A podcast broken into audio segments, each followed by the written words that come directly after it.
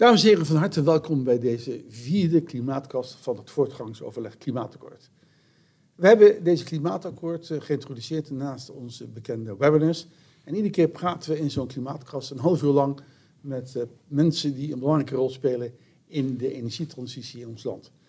De afgelopen weken hebben we gesproken met een aantal voorzitters van de uitvoeringsoverleggen. Vandaag spreken we met uh, Frans Royes. En Frans Royes is de initiatiefnemer van het Klimaatkrisisbeleidteam, het KBT. Wat dat KBT allemaal doet, eh, waarom ze zijn opgericht en wat de mogelijke invloed kan zijn van hun adviezen, daar gaan we met eh, Frans over eh, spreken. Frans, van harte welkom bij deze klimaatkast. Kun je compact uitleggen waar het KBT, Klimaatkrisisbeleidsteam, eigenlijk precies voor staat? Het staat voor een, een groep van, van, wetenschappers die gezamenlijk hebben gezegd van nou, kijkend naar wat we in de COVID-crisis hebben gehad, van zou je een dergelijke rol ook kunnen hebben voor de klimaatcrisis? Uh, het wordt steeds duidelijker dat er toch echt wel sprake is van een klimaatcrisis. de IPCC zal binnenkort wel weer komen met een nieuwe update waarbij de gevolgen van de klimaatverandering toch nog steeds urgenter worden. En ehm, met het KBT, met die groep van wetenschappers, hebben we gezegd van nou, het zou goed zijn als ze vanuit de wetenschap en niet vanuit specifieke belangen, uh, maar gewoon met de kennis van hoe je nou effectief beleid voert, uh, advies te geven aan met name de nieuwe regering uh, om de doelen die de regering wil gaan halen, die uh, Europees uh, worden afgesproken, zijn afgesproken, om die op een effectieve, maar ook op een snelle manier te gaan halen. Nou hoor je dikwijls dat de tegenstanders van het uh, klimaatbeleid, de mensen die klimaat, de klimaatcrisis ontkennen, dat die zeggen, ja, er wordt een bepaalde hoeveelheid, een bepaalde richting van wetenschappers wordt uitgekozen bij allerlei projecten. En daardoor hebben we niet een, een objectieve informatie. Hoe verweren jullie je tegen dat soort verwijten? Nou, kijk, de, de IPCC is in die zin een hele belangrijke orgaan. Uh, dat is een, een, grote groep van wetenschappers en, uh, over, van over de hele wereld. En die hebben toch wel gezegd van nou, er moet gewoon echt wat gebeuren. Nee, maar uh, dat bedoel ik niet, hè? Want dat is de IPCC. Ik bedoel jullie team. Jullie oh, hebben ons gekozen team. voor een bepaalde samenstelling. Um, nou, kijk, we hebben, um, als je bijvoorbeeld vergelijkt met uh, het OMT van, uh, zeg maar van de COVID-crisis, hebben wij er bewust voor gekozen om een bredere groep van wetenschappers te hebben. Dus niet uh, alleen maar energie-experts, maar we hebben bewust ook gedragswetenschappers erin gehad. mensen die deskundig zijn op het gebied van de landbouw, omdat we vrij breed gaan kijken en aan het kijken zijn naar wat er in die verschillende sectoren zou moeten gebeuren. En natuurlijk, um, het is een initiatief nu van een groep wetenschappers. Die hebben gezegd van nou, uh, welke disciplines willen we erbij hebben? We hebben een aantal mensen gevraagd. Niet iedereen had tijd. Um, het zou anders zijn als de regering het zou vragen. Wat wij oorspronkelijk ook uh, in gedachten hadden van uh, regering uh, vorm zo'n team waarmee je dus uh, ook je eigen beleid goed kan ondersteunen. Nou, daar is het natuurlijk op dit moment een, een, een lastige periode voor. een kabinet is demissionair. Ehm, en het was niet te verwachten dat er voordat er een nieuw kabinet zou zijn door de regering een, een zo'n dergelijke team gevormd zou worden. Jij zei dat je vooral werkte ook voor een nieuw kabinet, hè, maar de formatie is nog volop bezig. Dus eigenlijk de partijen die aan de formatietafel zitten ook nu al gebruik maken adviezen.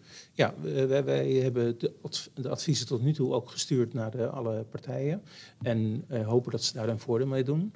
En uh, het is ook al uh, eventjes in, in de Kamer aan de orde gekomen op vraag van, van de Partij van de Dieren. wat we willen laten zien is van wat, wat kunnen de wetenschappers vanuit de verschillende disciplines op tafel leggen. En wij adviseren in wezen, dat hebben we in ons eerste algemeen advies gedaan, de nieuwe regering om zo'n orgaan te zelf te vormen. En dan mogen ze helemaal van vooraf aan beginnen. Het is niet een sollicitatie van ons, maar wij laten zien van dit kan. En ga met het nieuwe kabinet zo'n KMT of KBT, of hoe je het ook precies noemt, gaat het vormen om daarmee het beleid wat nodig is, want dat is wel wat wij constateren, er is nu te weinig beleid om de doelen die zeg maar, gesteld zijn met het klimaatakkoord. Dat weet je, de, de, de, de doorrekening van PBL die haalt nog niet de 49 procent. Dus er moet nog wat meer beleid bij komen. Maar ook de EU Green Deal die zal ja, ons verplichten om aanvullend beleid te gaan voeren. Ja, nou hebben jullie, er zijn in die Kamervragen, is ook aan het kabinet gevraagd, En dan noemen ze het een klimaatautoriteit. Waarom kiest u daar niet voor? En het kabinet antwoordt, dit kabinet, zegt nee, we hebben daarvoor de Raad van State, die zich laten bijstaan door een groep van uh, deskundigen. Vind jij dat die functie die jullie nu vervullen, dat die ook kan worden vervuld of op dit moment wordt vervuld door de Raad van State? Of zeggen nee, wij hebben toch een wat andere invalshoek, een meer wetenschappelijke? Nou kijk, de, Raad van State die laat zich ook door wetenschappers uh, bijstaan, dat is uh, bekend. Alleen de Raad van State heeft natuurlijk wel een veel ander tempo. Uh, als je kijkt naar de, de, de doorlooptijd van adviezen van de Raad van State, dat is gewoon toch vrij lang. En wij denken dat het gewoon toch noodzakelijk is dat een nieuwe kabinet een aantal ja, uh, algemene beleidslijnen moet uitzetten, maar vervolgens ook op detail moet gaan kijken van nou, hoe zorg je ervoor dat die verandering, dat die ook zijn beslag gaat krijgen. Nog even, even over daarover doorgaan, want het is natuurlijk een interessant onderwerp. Hoe zou je dan zo'n club, die jullie nu zijn, hoe zou je die precies eh, positioneren? Want we hebben het systeem van de klimaatwet, waarbij ieder jaar in, eh, in november, oktober verschijnt de klimaatnota, verschijnt de KEF, verschijnt het advies van de Raad van State, verschijnt de monitor van het klimaatbeleid. Waar positioneer je in die cyclus die in de klimaatwet vastlegt, waar zou je jullie dan weg willen zetten?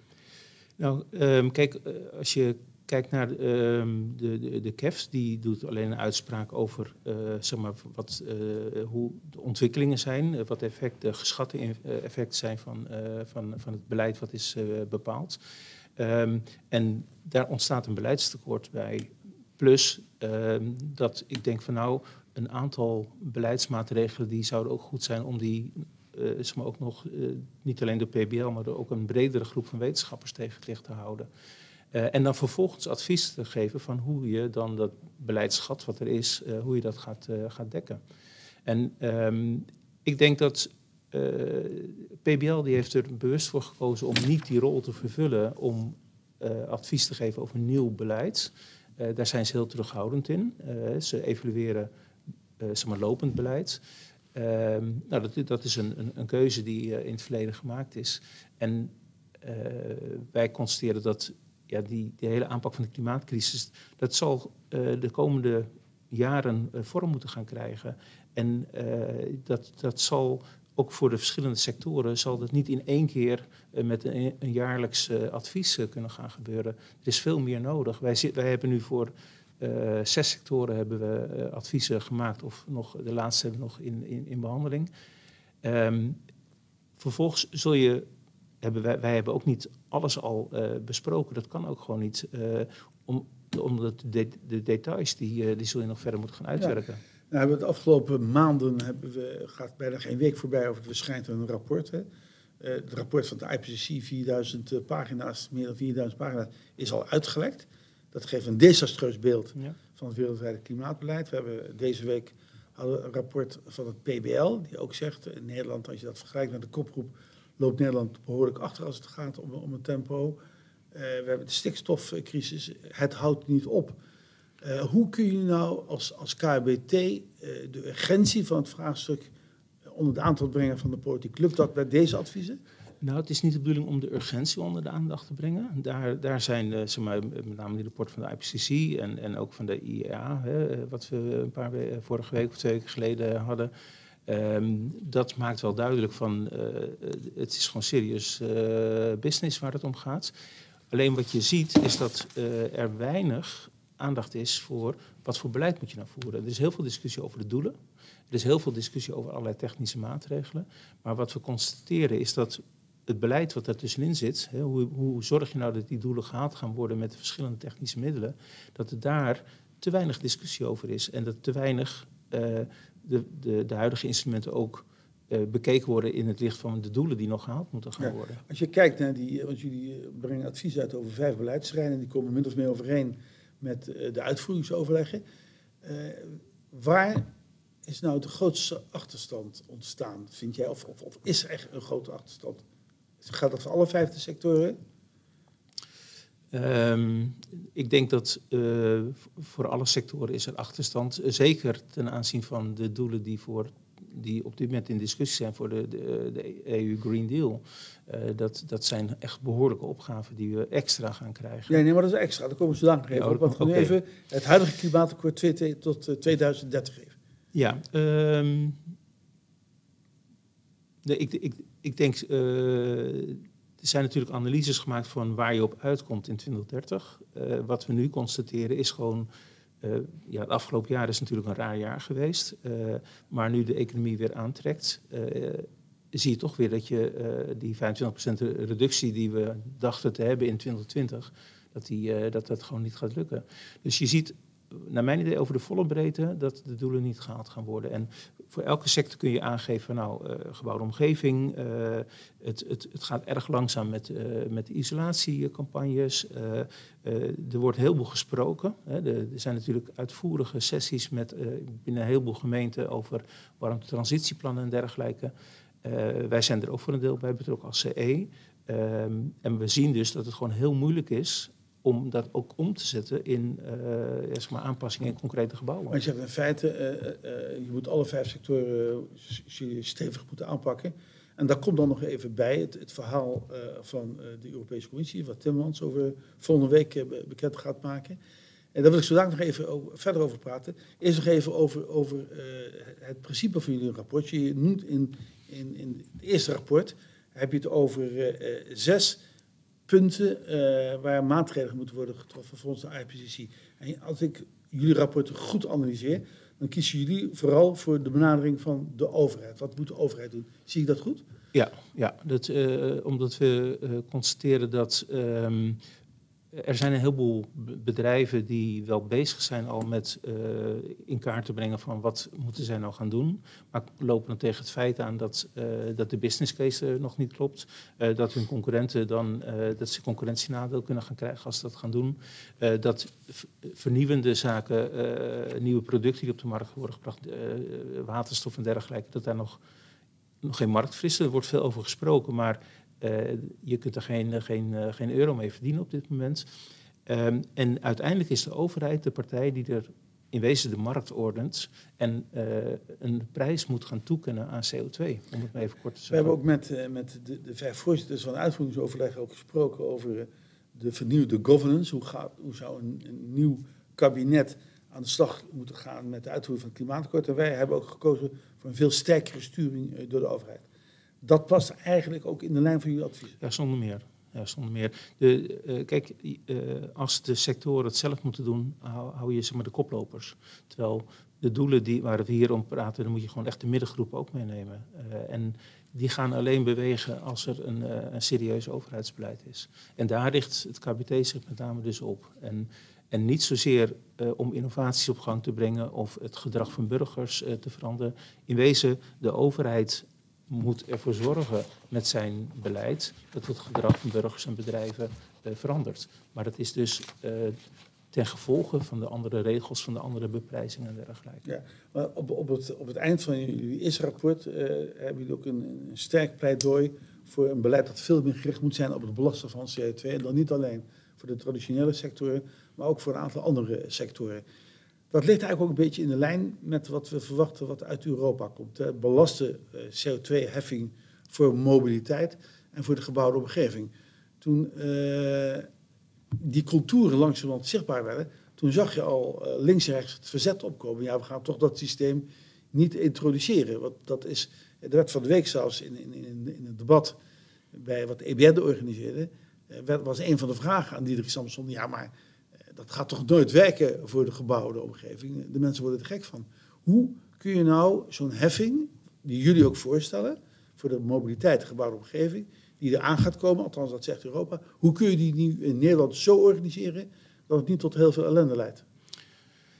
Nou kijk, die, uh, één, die heffing is niet bedoeld voor ellende. Hè, laat het duidelijk zijn. De heffing is bedoeld om uh, de CO2 te gaan reduceren. En uh, wat je nodig hebt, is dat er ehm, eh, dat de burgers in hun beslissingen uh, rekening houden met dat CO2 een prijs heeft. Maar ook dat uh, bedrijven die producten aanbieden aan de burgers, dat die ook een verschil ervaren als ze een product aanbieden met fossiel, met CO2-heffing, en een, en een product wat dat niet heeft. Op dit moment is de energiebelasting is niet gedifferentieerd. dus uh, of je nou aardgas hebt of groen gas, je betaalt evenveel energiebelasting. Je zou uh, heel goed de uh, energiebelasting kunnen verlagen voor zeg maar, alle uh, gassen. En dan alleen voor aardgas, de, naar rato van de hoeveelheid CO2, dat gaan verhogen. Ja, en je gedifferentieerde energiebelasting. Ja, en dan krijg je dus, dan krijg je dus op een gegeven moment dat er een, een, een, voordeel gaat ontstaan voor groen gas of andere CO2-vrije gassen. En daarmee krijg je dus een prikkel bij zowel de burger, want uh, het, het, gas wordt duurder, dat is onvermijdelijk. Dat heeft uh, Dirk Samson ook uh, zeg maar, toen de tijd met Rutte zeg maar, afgesproken in dat kabinet. Um, maar je krijgt vervolgens ook dat de professionele partijen een incentive krijgen om CO2-vrije gassen te gaan, gaan leveren. Nou, dus het is dus niet alleen wat mensen denken van ja, CO2 ga je een prijs geven maar de meeste mensen letten daar niet op.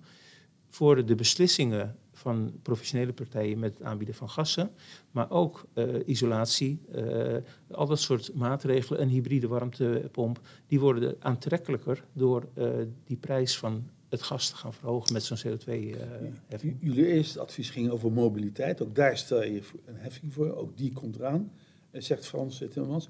Hoe ga je die heffing voor die mobiliteit natuurlijk buitengewoon gevoelig onderwerp, eh, nog steeds in ons land, eh, de automobiliteit. Hoe ga je zo'n heffing daar organiseren? Nou, wat het idee is, is dat, um, en dat geldt ook voor de gebouwde omgeving, dat de energieleveranciers, de, um, en dat zijn voor de gebouwde omgeving zijn het de, zeg maar de, energiebedrijven, uh, Eneco, Vattenfall en dergelijke, dat die over rechten moeten beschikken als zij gas verkopen aan hun klanten.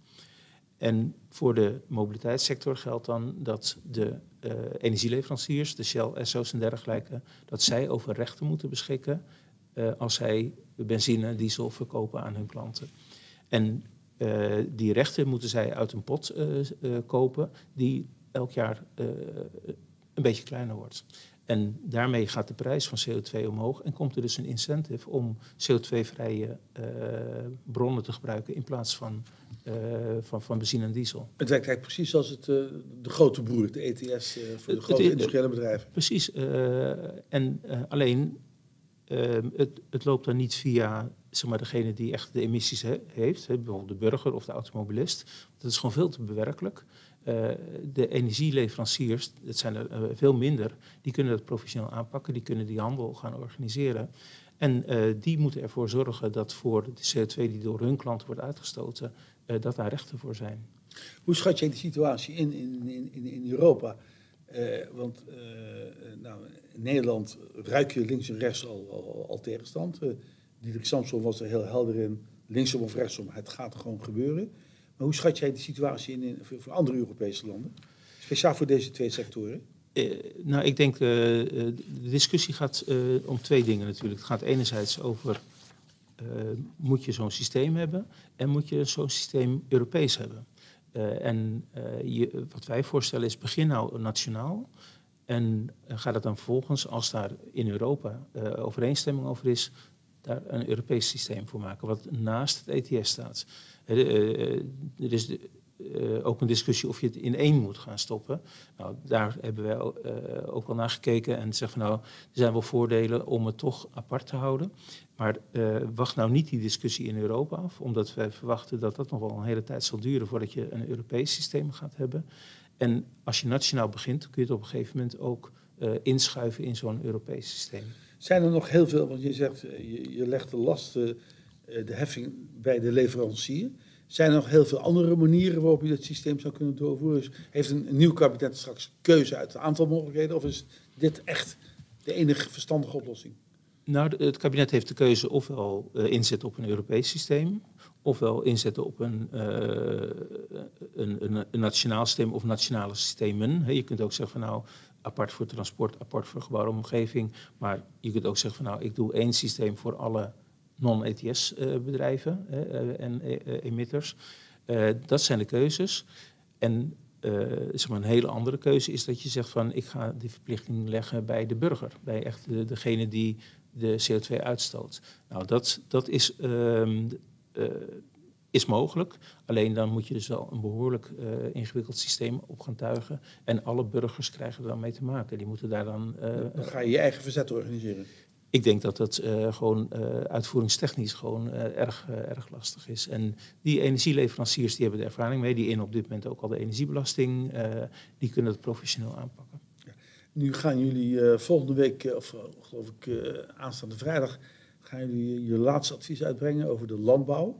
Wat mij opvalt in de discussie dat er nergens wordt gesproken over een CO2-heffing voor de, voor de landbouw.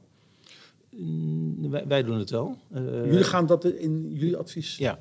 Okay. Uh, omdat we zeggen van ja, kijk, de, de, de, de landbouw, uh, je praat over verschillende soorten emissies daar. En aan de ene kant zeg maar, de energiegerelateerde emissies, glastuinbouw met name.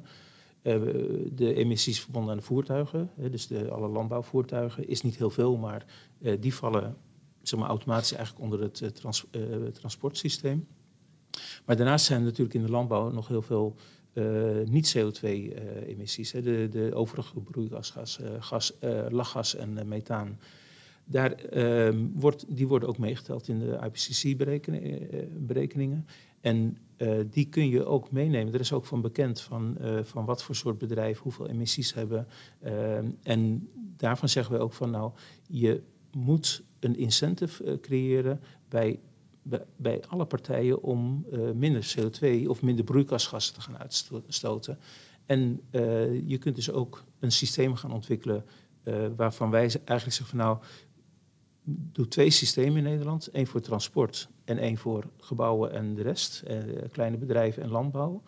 En de boeren zullen via hun ehm, bijvoorbeeld via de, de, de Friesland Campina's, om het even zo, kunnen ze ook over die rechten gaan beschikken aan de hand van de administratie die ze op dit moment al bijhouden.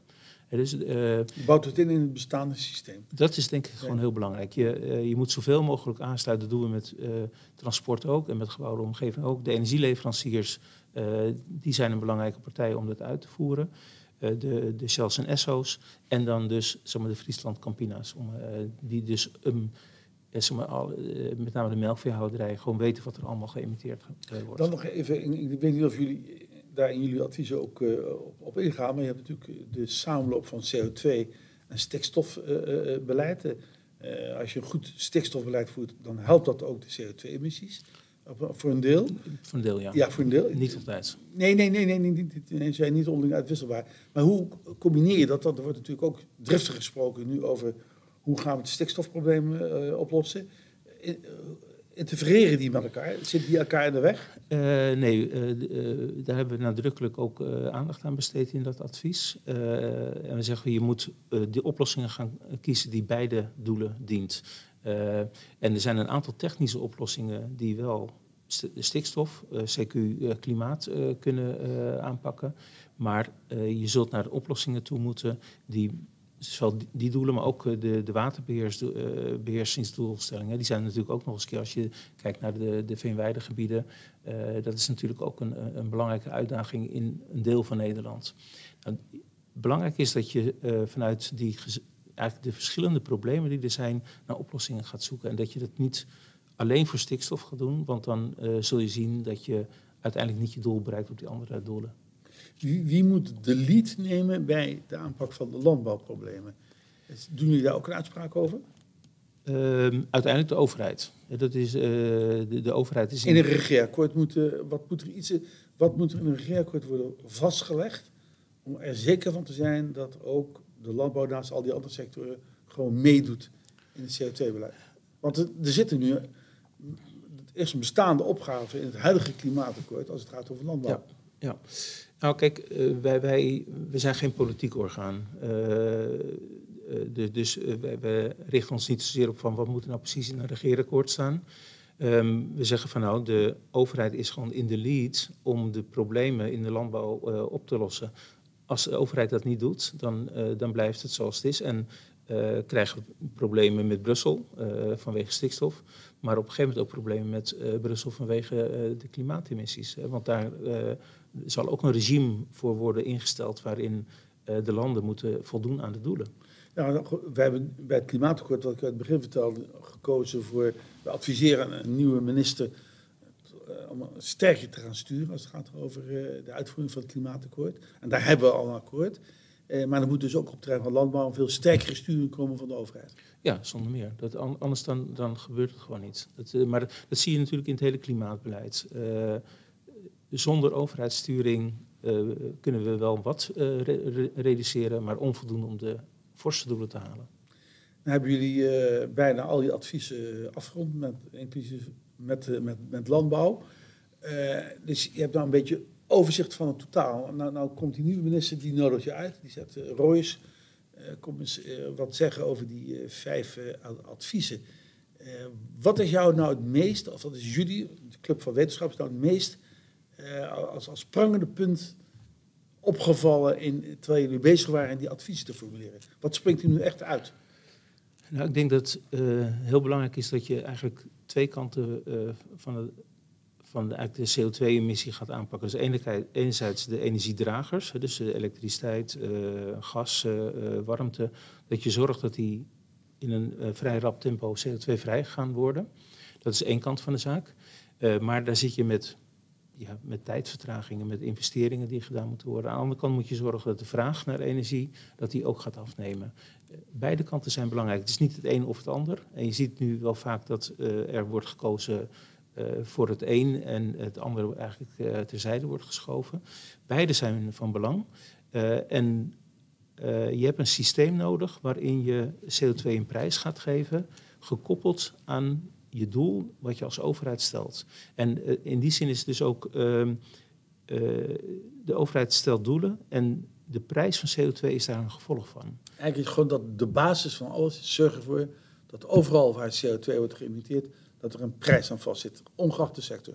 Ja, zonder meer. Dat, uh, want anders dan, uh, dan blijf je met goede bedoelingen zitten. En goede bedoelingen zijn onvoldoende om de, de, de, de forse doelen te halen. Je zegt van wij, wij zijn wetenschappers, we gaan niet over de politiek. Maar waar denk je, als je kijkt naar, door je oogharen naar jullie vijf adviezen, waar heeft de politiek, gaat die het meeste moeite mee krijgen? Nou ja, ik denk uh, de politiek, en dat is al natuurlijk ook met het klimaatakkoord gebleken, uh, het, uh, de politiek vindt het heel moeilijk om te erkennen dat een, klimaatbeleid, een, goed, een effectief klimaatbeleid dat geld kost.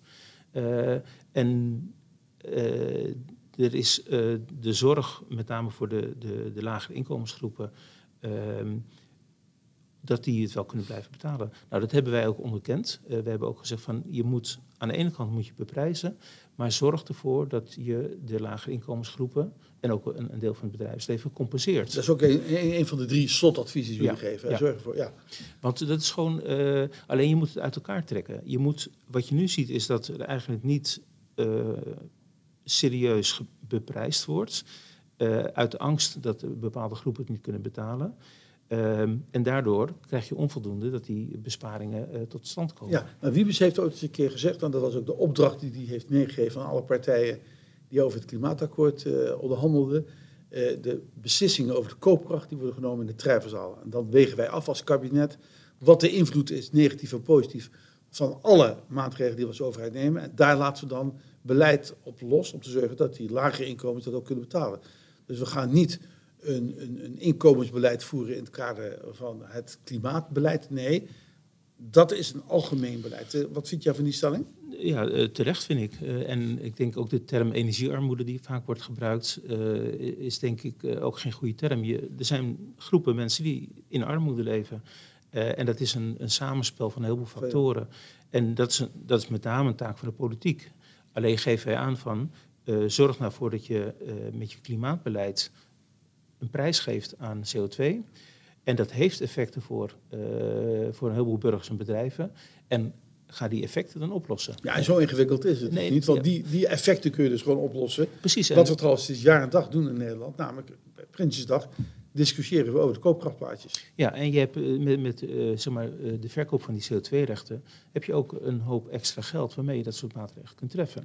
Ja. Dus de, je, het is aan de ene kant beprijs je het. Uh, maar heb je daarmee dus ook een, uh, een hoeveelheid geld in handen om uh, bepaalde groepen te compenseren? Ben jij een optimistisch mens, Frans? Ja, zonder meer. Dat, ja.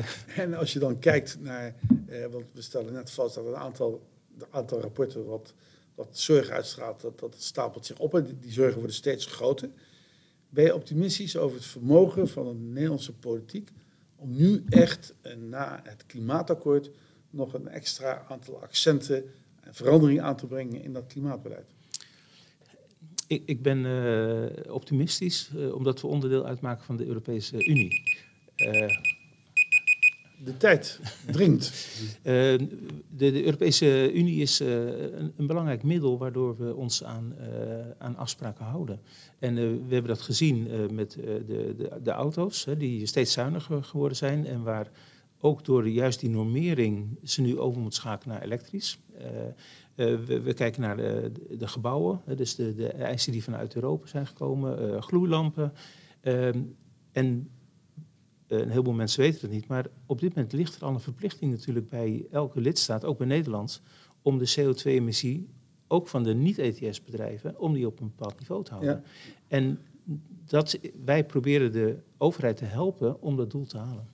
Samengevat, eh, Europa is geen last meer, is een, een zegen in ieder geval als het gaat over het klimaatbeleid. Zonder meer. Frans, mag ik jou uh, heel hartelijk danken voor dit gesprek. Tot ziens. Graag gedaan.